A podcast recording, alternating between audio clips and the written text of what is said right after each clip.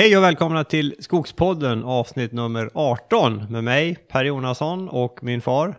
Bo Jonasson. Ja Bosse, idag sitter vi i vår studio i Bergslagen igen på Gusselborg i ett vintrigt och kallt landskap. Lite marsvinter. Ja, skönt att kylan kom tillbaka. Den är välkommen. Det tycker vi om när vi arbetar i skogen.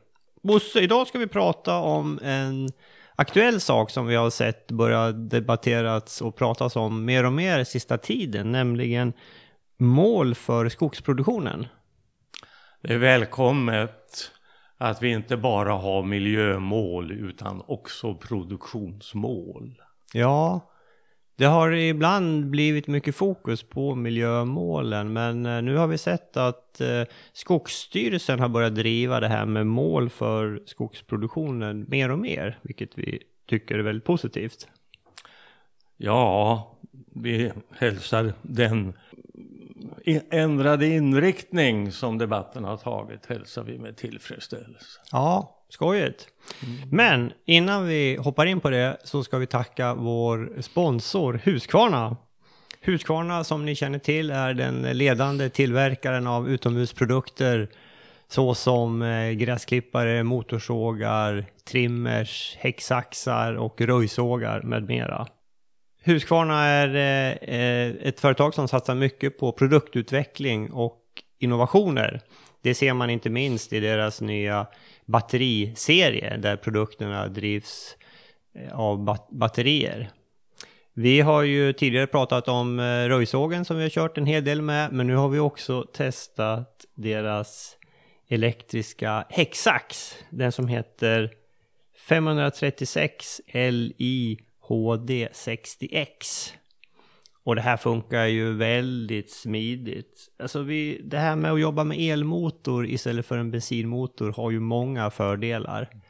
Om man tittar bara på verkningsgraden på en förbränningsmotor där man kanske ligger på runt 30% i verkningsgrad. Resten kyler man bara bort. Det blir bara värme som man kyler bort. Medan en elmotor har en verkningsgrad på kanske runt 90% otroligt mycket effektivare. Och det här gör ju också att motorerna, en elmotor är så mycket mindre än en motsvarande bensinmotor.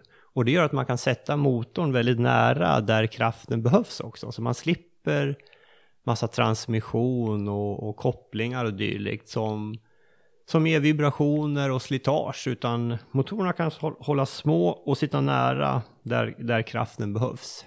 Vilket gör att det blir mindre underhåll mindre vibrationer och det blir lättare maskiner.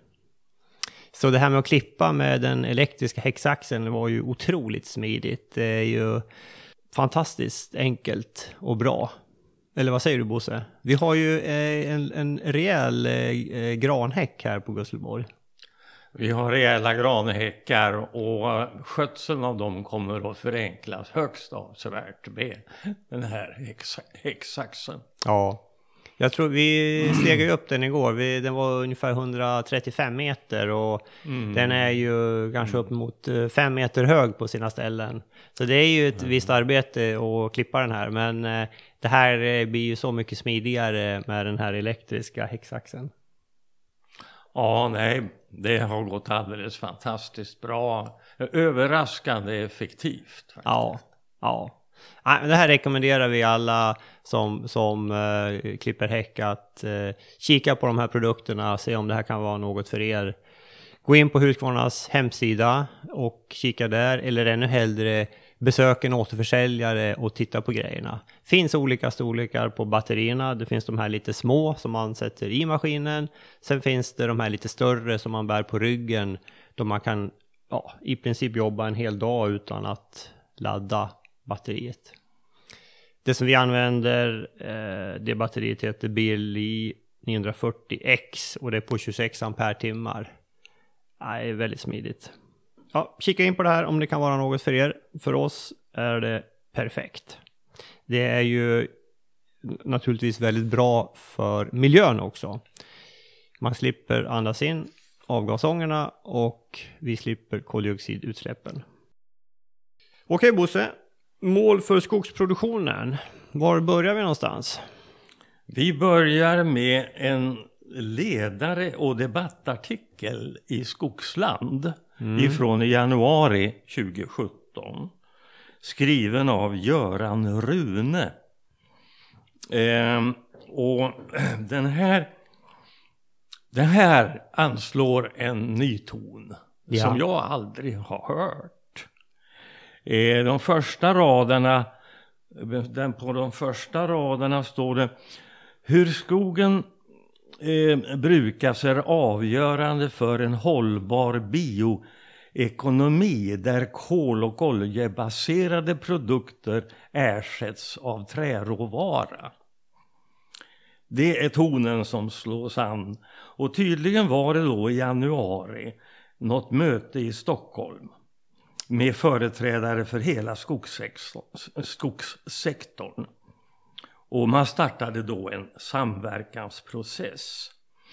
Ehm, bioekonomi det handlar om hållbar produktion och användning av biomassa som träråvara som gör det möjligt att minska klimatpåverkan och användning av fossila bränslen. Mm. Han pratar sen vidare om vilka möjligheter som finns att öka avverkningarna under de närmaste årtiondena från nuvarande nivå, nivån på 92 miljoner kubikmeter upp till 95-100 miljoner kubikmeter. Mm. Sen står det lite längre fram i texten för att skog för miljardbelopp inte ska gå till spillo behöver risken för omfattande skogsskador minska, vilket är möjligt. Idag orsakas de största skadorna av älgen. Mm. Vår vän. ja, och så kommer slutklämmen. Det behövs ett ökat driv i skogsproduktionsfrågorna. Skogsstyrelsen bedömer att nationella mål för produktion skulle bidra till detta. Precis som de nationella miljömålen gör för miljön. Mm.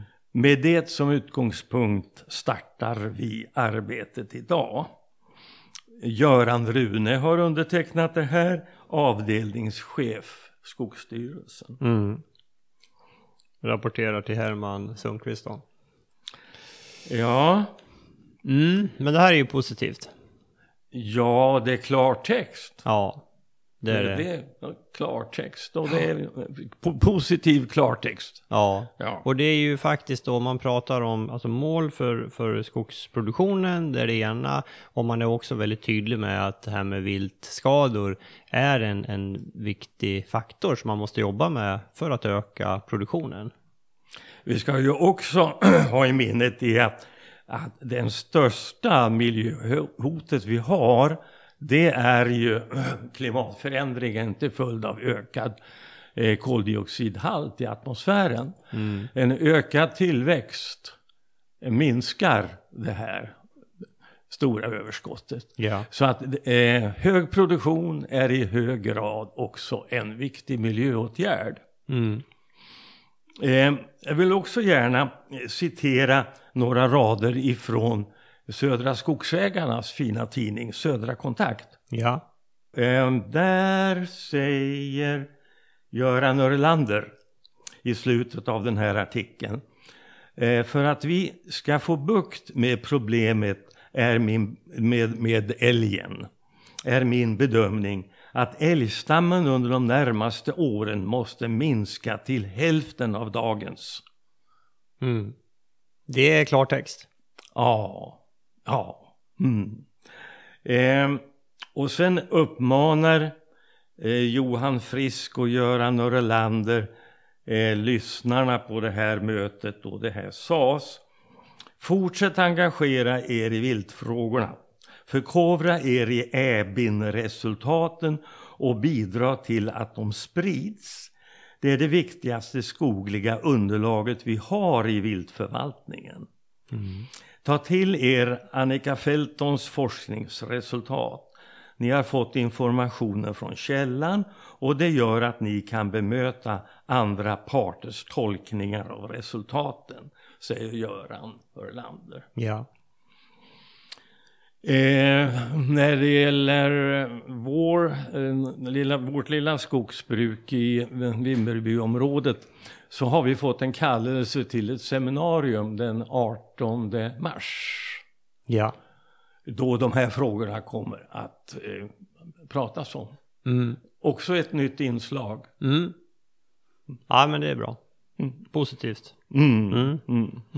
Nej, men det är jättekul att, att Södra engageras i den här frågan. För det är ju, för Södra måste det här vara en jättestor sak. Eh, I, I södra finns det ett system med viltombud. Och eh, de står nu, verksamhet i, i den organisationen står nu inför en ny start. Mm. Ja, men det är kul att se. Vi, Positivt med hela linjen alltså. vi kikade ju lite grann på resultaten då, vi pratade om det tidigare, det var väl i höstas där, och konstaterade att det var ju vissa områden i Småland där man i princip planterade 0% tall på tallmark. Bland annat runt Vetlanda vill jag minnas. Jönköping var nämnt där också. Ja, det var väl också ganska låga. Mm. För, för att det var så otroligt kraftig älgbetning. Och det, alltså det, det, det går ju inte att hålla på så. Det går ju inte. Nej, det, det är omöjligt. Ja. Alltså. Ingen tjänar på det, allra minst jägarna. Nej, nej. Det blir ingen älgmat i granskogen. Nej, det blir inte.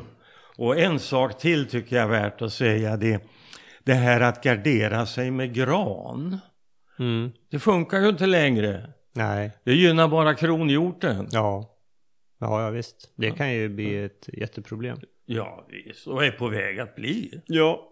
Ja men Bosse, nu fastnar vi lite grann i det där med älgskador. Ja, Det vi kanske ju- gjorde vi, vi ska ju prata mål. eh, Ja. Och det- det här är ju naturligtvis en viktig aspekt av målen. Men det är ju inte det, är inte det enda. Nej. Nej. Nej, det är det inte. Vi har ju mål. Vi har mål. Vi har bland annat kvalitetsmål. Ja, det har vi. Kan du berätta om hur ser de kvalitetsmålen ut? Det kan jag göra. Vi fäster ganska stort avseende vid eh, produktion av bra tall. Eh, och det vi har riktat in oss på det är hur ser den färdiggallrade tallskogen ut? Ja. Vi räknar eh, så här att vi eh, röjer eh, då i 20-30-årsåldern. Sen har vi en första gallring vid 30 års ålder. Mm. En andra gallring vid cirka 55 års ålder. Mm. Sen tänker vi inte längre i det här skedet. Utan vid 55 år så har vi ett färdiggallrat produktionsbestånd som ska stå där och verkligen producera värde. I det här ska det vara så många raka oskadade tallar som möjligt. Och vi har lagt ner en del arbete på att inventera det här på Gusselborg. Bland annat så har det gjorts ett examensarbete och eh, där var det så mycket som drygt 80% raka oskadade tallar vid 55 års ålder efter andra gallringen. Mm. Eh, det här är... Eh, jag, jag pratar dock inte så mycket om det här med 80% och över det. Utan jag säger jag tycker att det ska vara minst 70% Ja. raka oskadade tallar i de här bestånden. När de har kommit till det här sta- stadiet. Mm. Och vi har också en inventering, en större inventering än den här eh, examensarbetet på Gusselborg. Det omfattar 16 bestånd där det har lagts ut provytor och där eh, antalet raka oskadade träd är väldigt nära 80 procent faktiskt. Ja.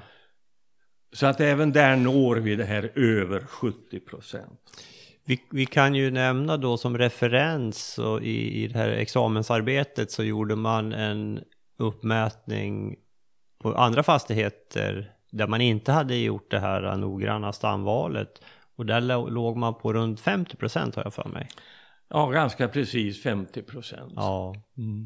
Så genom att göra noggrant stamurval, jag menar man börjar ju vid röjningen men, men kanske framförallt sen vid, vid gallringen också då. Att man eh, bestämmer de raka fina eh, ska vara kvar och man tar bort de dåliga. Det är ju ett selektivt urval såväl i röjningen som i gallringen. Mm. Eh, selektivt så tillvida att vi gynnar de bra, raka, oskadade stammarna. Ja. Eh, ett, ett delmål på vägen upp här det är ju det att vi ska ha plantskogar som innehåller åtminstone 8000 stammar per hektar. Så att det finns ett urval Just det. och en trängselverkan. Trängselverk. En trängselverkan som vi gärna behåller ända fram till eh, första gallringen. Mm. Och där har ju också eh, forskning visar att om man vill eh, minimera risken för just älgskador så ska man ha uppemot 8-10 000 stammar per hektar också då för då finns det alltid några stammar som klarar sig.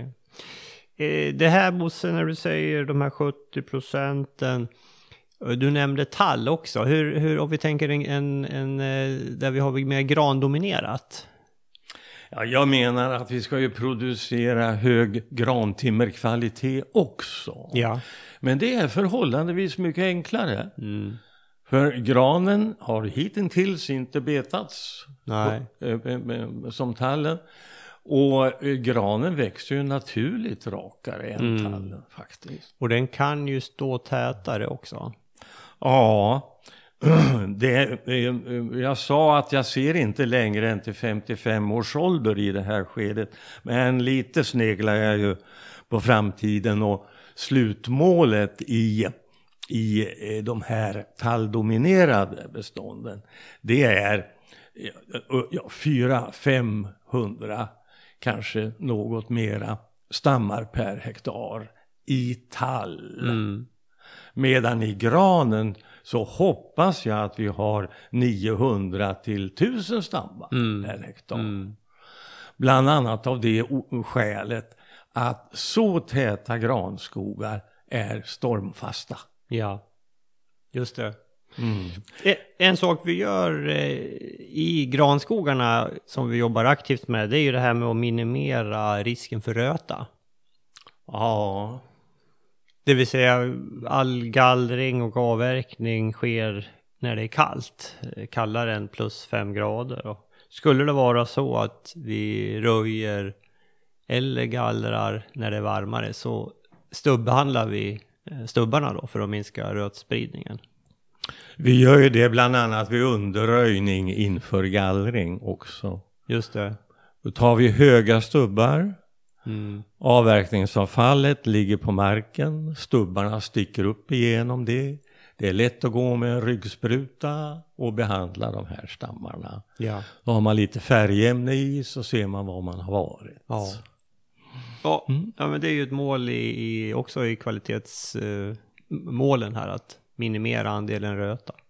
Absolut, det är ju så viktigt. Ja.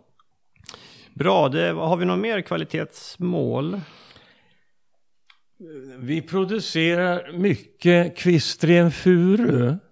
För att förutom den här selektiva behandlingen i röjningar och gallringar så har vi stamkvistat eh, i 35-40 år. Eh, så på Gusselborg så är alla bestånd som innehåller en skälig andel tall stamkvistade. Mm.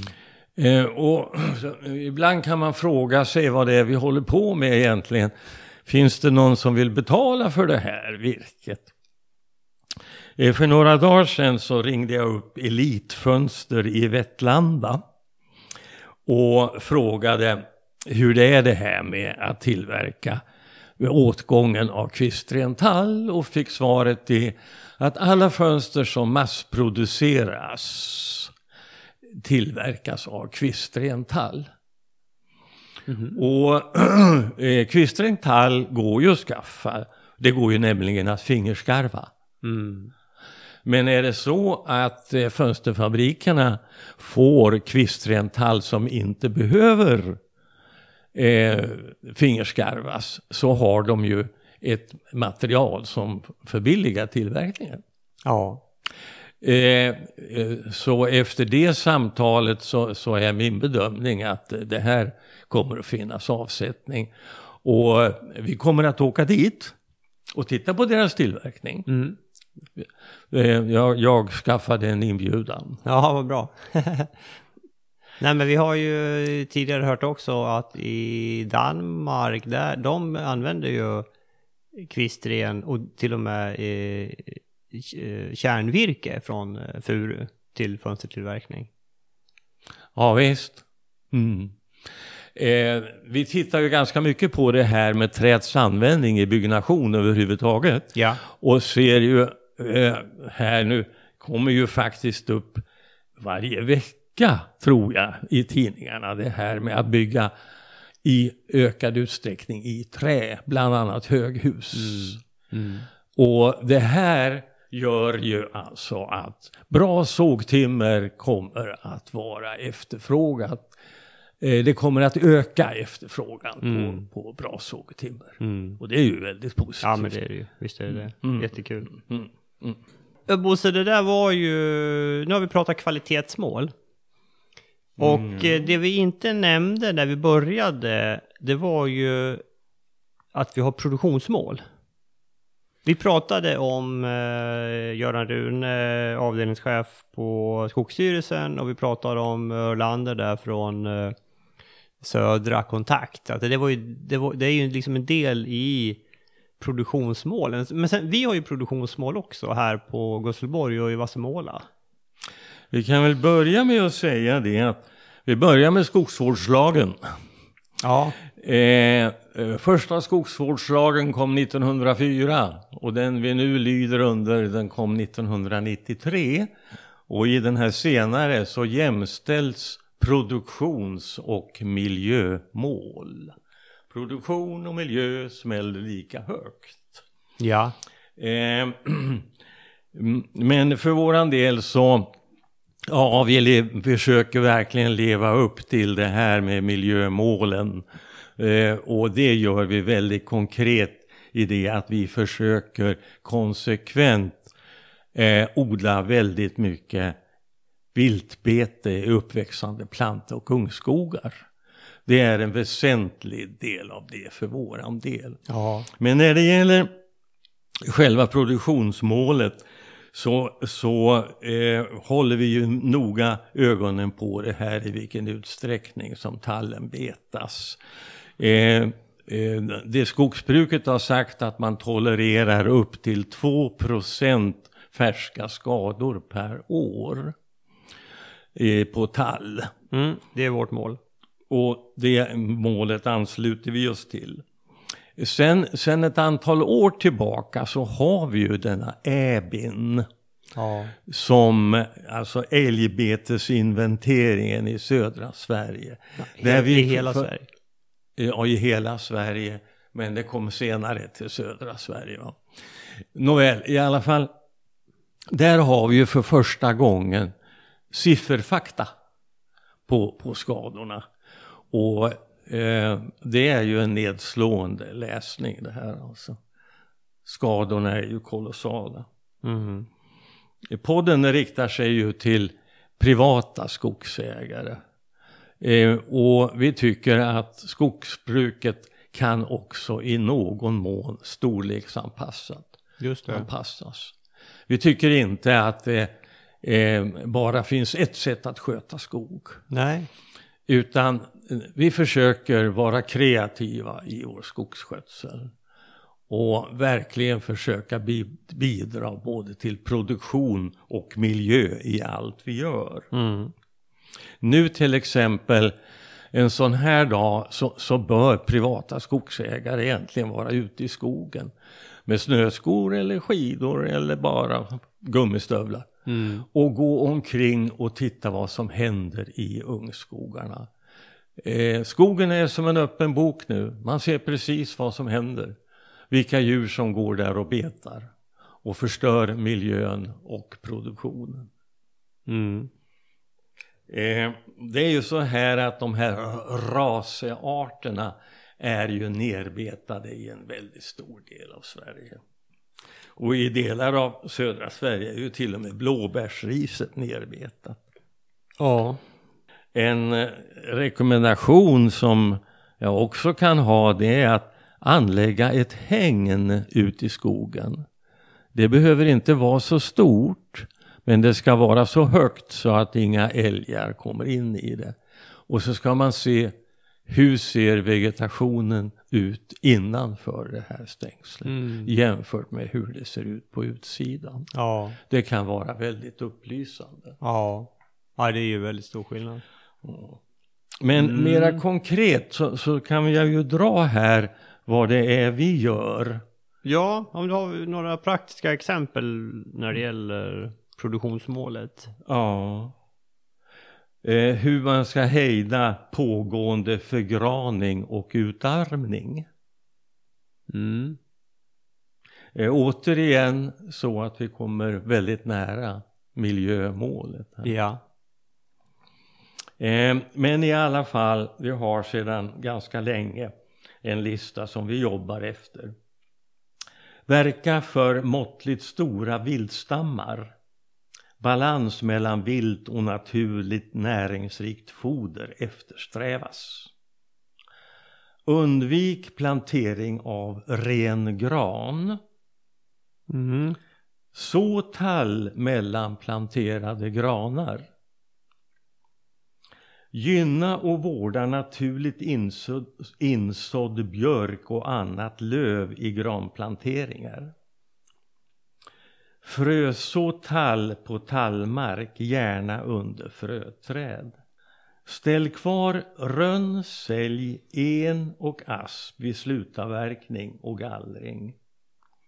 Vårda rönn, en, sälj, asp och annat ätbart som etablerat sig på vägkant.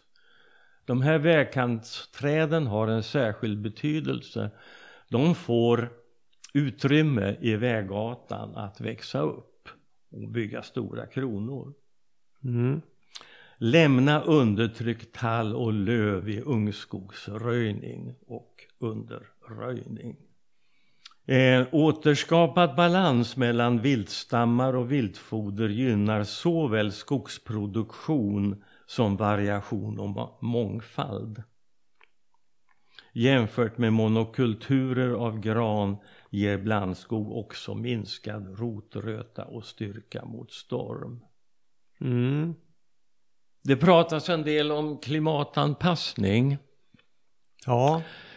Och det, det kommer naturligtvis att bli så att skogsbruket på ett eller annat sätt kommer, på olika sätt kommer att klimatanpassas. Mm. En väldigt konkret sak jag tycker man kan göra idag det är att anlägger man skog på fuktig mark, på gammal torvmark till exempel, Mm. så kan man vara ganska säker på att den här marken kommer aldrig att frysa. Man kan inte förlisa, för, förlita sig på tjäle. Beroende på var i Sverige man är förstås, men Ja, ja, jag tänker lite för mycket på Mellansverige hela tiden. Men låt oss utgå ifrån centrala Bergslagen Mm. i just det här resonemanget. Eh, nej, den där marken kommer aldrig att bli stark. Utan där tycker jag att man kan rikta in sig på ett gallringsfritt skogsbruk. mm. En rejäl röjning och sen får skogen sköta sig själv. ja. Det är vad vi kommer att göra på åtminstone ett ställe på gamla mossodlingar. Mm. Man hoppar över gallringarna helt enkelt. Ja, Och röjer lite rejälare. ja. Mm. Mm, mm, Ja, mm. bra. Det där eh, var då en del av produktionsmålen. Ja, Mm. Och som sagt, de flyter ihop med miljömålen. Ja, i hög grad. Ja, för nu har vi pratat produktionsmål, vi har pratat kvalitetsmål och då kommer vi till miljömålen. Mm, För det har vi också. mm. Och där var ju, du nämnde ju det här med att vi anlägger blandskogar bland annat. Ja, det, det är länge sedan vi gjorde någon, någon, någon ren granplantering. Eller, eller ren tallsådd. Ja, även det. För att i tallsådderna så, så vill vi ju att det ska ingå en viss andel gran. Helt Mm, klart. Alltså. Mm. Och det går att åstadkomma. Ja. Eh, och det här med, med vår, vår dubbelbeskogning i form av planterad gran och sådd tall. Ja, jag har, eh, jag tycker att vi lyckas bra med det här. Och en sak kan sägas att vi behöver aldrig göra några hjälpkulturer. För skulle granarna gå ut mm, ja, ett, ett visst antal av granarna gå ut så finns det då reservstammar i form av tall där. Mm. Vi har ju också, det har vi nämnt tidigare, ofta planterar vi lite sibirisk lärk också i anslutning eh, till eh, våra planteringar. Inga jättemängder, men, men en del. Ja, här under senare år så har vi ju konsekvent planterat några små antal. Eh, och den, då söker vi upp riktigt bördiga marker. Ja. En sakta sluttning. Mm. Och det här är ju, det här är ju ett intressant inslag i skogen. Ja, men visst är det det. Mm. Mm, okej. Eh, blandskogar, vi behåller alla runnar förstås. Det har vi nämnt tidigare. Absolut. Eh, rönnen är ett heligt träd. Mm. Eh, vi kan säga det att vi har en central del i skogen där det tidigare fanns i förra genera- människogenerationen så fanns det en viss bebyggelse. Det är tre, fyra, fem be- bebodda ställen som var där. Mm. Och där gick ju naturligtvis kreaturen på skogen och betade. Och det här blev så småningom en gles granskog. Mm. Det här slutavverkades eh, på 90-talet och eh, då, lämnades, då lämnades alla rönnar som växte i glesheter i den här skogen. Mm. Och de här, det var ungefär 100 rönnar. En del eh, gick åt vid avverkningen, de fälldes ner eh, av misstag. Eh, men många blev kvar. Mm. Och i det, hela det här området nu så finns det ett ganska tätt uppslag av rönn. Ja. Men det är ett begränsat område. Mm. För utanför det här så är rönnarna helt nerbetade. Nerbetade till halvmeters höjd. Mm. Men här har det varit så mycket så att här går en del av rönnarna upp. Och det här är ett exempel på vad som, vad som kan hända. Ja. Och det är väldigt positivt. Ja, ja visst. Mm. Det blir ju en eh, fröcentral för hela skogen. Mm, mm. Sen har vi ju naturligtvis det här med eh, vid avverkningar och gallringar. Eh, ingen åverkan på kulturmiljöer. Ett miljömål. Ja, det, det är vi noga med. Eh, inför alla avverkningar så gör vi en väldigt noggrann planering överhuvudtaget. Mm. Bland annat när det gäller kul- kultur, eh, eh, kulturlämningar. Men eh, även enstaka rönnar några centimeter i brösthöjd får ett naturvärdesband Mm. omkring sig för att göra det extra tydligt att det där ska vara kvar. Ja. Och som vi sa, tror jag tidigare här, att särskilt längs bilvägar så är det väldigt viktigt att alla de här träden blir kvar. Ja. Eh, vattendrag och källor är vi väldigt noga med. Jajamän. Att de ska vara helt oskadade. Hålträd och Ja. torrträd. Ja. Eh, och vi minimerar spårbildning så gott vi kan. Just det. Ingen sönderkörning. Eh, zoner mot vatten Mm. är vi väldigt noga med att inte skada. Ja. Eh, och några evighetsträd kommer att stå på våra hyggen. Eh, inte så många och de får gärna stå i grupp. Ja. Nej men vi har ju eh, enligt eh, certifieringsreglerna så ska vi ha 10 naturvärdes, minst 10 naturvärdesträd per hektar. Och det sparar vi ju. Mm. Och sen högstubbar förstås. Gärna i blockig terräng där brukar vi spara extra mycket högstubbar. Vi eh, har eh, här i sen tid börjat gynna oxel. Ja. Eh, oxel sprider sig ut i skogen och då ifrån oxlar som ursprungligen är planterade vid bebodda ställen. Mm. Eh, och eh, det här har vi tagit fasta på. Så under den gångna hösten så skördade vi oxelfrön och ska dra upp plantor. Mm. Just det. Oxeln är ju nära släkting till rönnen. Ja. De kan ju till och med korsa sig. Ja. Ja, det där var miljömålen Bosse. Då har vi pratat produktionsmål, vi har pratat kvalitetsmål och vi har pratat miljömål. Då har vi eh, ett par mål kvar. Eh, beträffande miljömålet så eh, vill jag gärna lägga till att vi vill ha vackra hyggen. Ja. Ehm, jag tycker själv att vi har lyckats med det eh, vi planerade i höstas. Ja. Det är slutavverkat nu i dagarna och jag tror att det kommer att bli ett, eh, ett vackert hygge. Det tror jag med. Och där eh, kan vi ju kanske i kommande avsnitt komma tillbaka till erfarenheter vi har lärt oss av som vi tar med oss till, till nästa avverkning. Vad, vad hade vi kunnat göra bättre till exempel? Överhuvudtaget är det en inställning som jag tycker att man ska ha rent allmänt, att man strävar efter ständiga förbättringar. Ja, Ja, absolut. Allting vi gör idag kan vi göra bättre imorgon. troligtvis.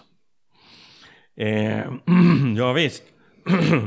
Nej men som slutkläm så måste vi ju säga något om det här med äganderättsmål också. Ja, det var nämligen eh, fjärde målet. Eh, det, här, det här går helt ut på att bevara det privata skogsbruket. Mm. Eh, det händer ju att det ifrågasätts. Jo, Så länge vi sköter vårt skogsbruk bra och effektivt så kommer det att fortsätta finnas privat ägande. I dagsläget finns det 330 000 privata skogsägare. Och jag tycker att vi allihopa ska skärpa oss och sköta vår skog hacket bättre än vi har gjort tidigare. mm. Och vi ska inte ta efter det storskaliga skogsbrukets metoder nej. Utan vi anpassar det här. Och det finns så mycket glädje och så mycket tillfredsställelse att hämta i det här och gå ut och jobba i sin egen skog. Mm. Och sen kunna följa det i årtionden hur det utvecklas. Alltså. Mm. Skulle verkligen vilja väcka den känslan Mm. hos många. Vi har under senaste veckorna här haft att göra med maskinförare i skogen som säger det att, att de får nästan aldrig besök av en markägare Nej. utan de får ett mejl med en trakt som ska avverkas och så Mm. åker de ut och gör det Mm. och ser inte en människa. Nej, det var lite förvånande faktiskt. Tycker jag. Ja. Nej, det här är ju, man lär sig ju väldigt mycket av att åka med dem här och, och uh, prata Eh, med dem. Det är också en stimulans för dem. Ja, ja men absolut. Mm. Jag provkörde skotare till exempel, lassade på lite grann. Ja, det var inte helt enkelt, men det var himla kul. Och så åkte jag med skördaren också. Ja, imponerande maskiner, otroligt eh, duktiga skördarförare och skoterförare. Ehm, vi närmar oss slutet. Vi närmar oss slutet. Men vi måste ändå nämna bombmurklefallet. Jag tror vi gjorde det förra avsnittet. Alltså ja, då nämner vi det kanske en gång till. Ja. Eh, Ska man kunna se det som en liten vändpunkt i debatten där skogen eh, under mycket lång tid varit i underläge i debatten? Mm.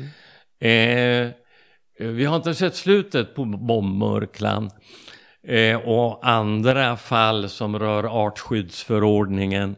Men ändå en liten framgång var Mm. det här beskedet som kom Definitivt. till sko skogens fördel. Ja. Och det går ju helt i linje med det här äh, äganderättsmålet som du var inne på. Bra, om vi, om vi skulle bara sammanfatta målen här, för det, det, det kan, de flyter lite grann ihop och vi kanske inte var supertydliga i, i början där vilka mål vi pratade om, men vi Mm. siktar ju Bosse på fyra mål.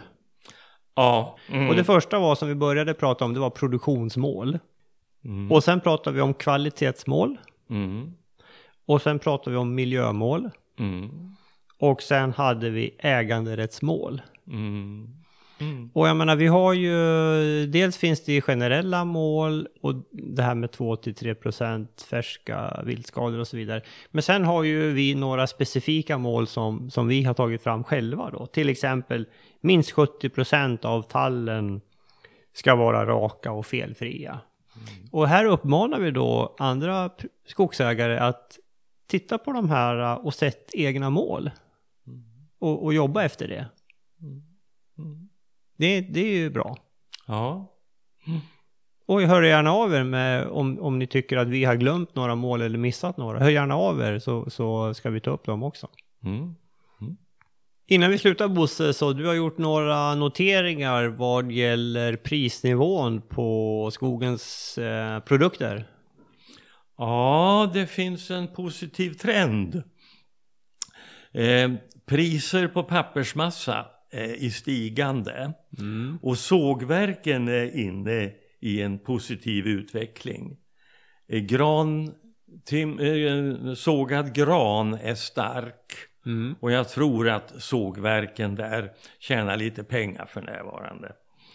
Och efterfrågan på tall ökar och förhoppningsvis följer priserna med upp där. Och trähusbyggandet ökar.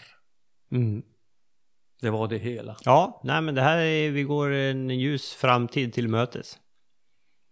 Vi hoppas på det. Ja. Ja. Ska vi bara nämna det här, vi har ju börjat diskutera en exkursion eh, i Småland. I, eh, i Vassemåla utanför Vimmerby. Där vi inte har spikat detaljer än, men eh, vi har börjat diskutera ett eventuellt datum för att hålla den där och det skulle alltså vara den 6 maj. En lördag. en lördag. Så eh, skriv inte med kulspetspenna, skriv med blyertspenna så får vi återkomma lite senare om det här med detaljer och hur man bär sig åt för att vara med. Men som sagt, inget spikat än.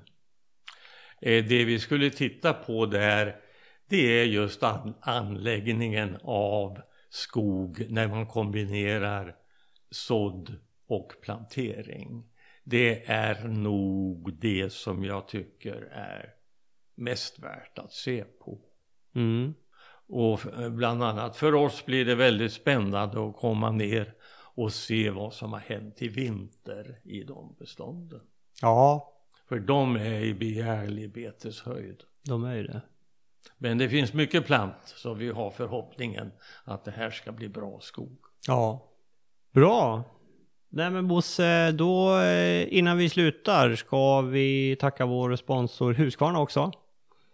Gå in på deras hemsida och eh, kika på deras batteriprodukter och eh, besök en återförsäljare och titta på grejerna och se hur det passar dig. För oss passar det utmärkt att köra. Vi har ju kört med deras elektriska häcksax med mycket gott resultat. Överhuvudtaget har det ju varit väldigt berikande det här att använda de här moderna hjälpmedlen. eh, Både i, i, i trädgårdsskötseln och i röjningen. Mycket positivt. Mm, Underlättat mycket. det har det gjort. Bra, då, tror jag, då tackar vi för oss och tackar alla som har lyssnat så hörs vi om tre veckor igen. Tack för idag. Hej då!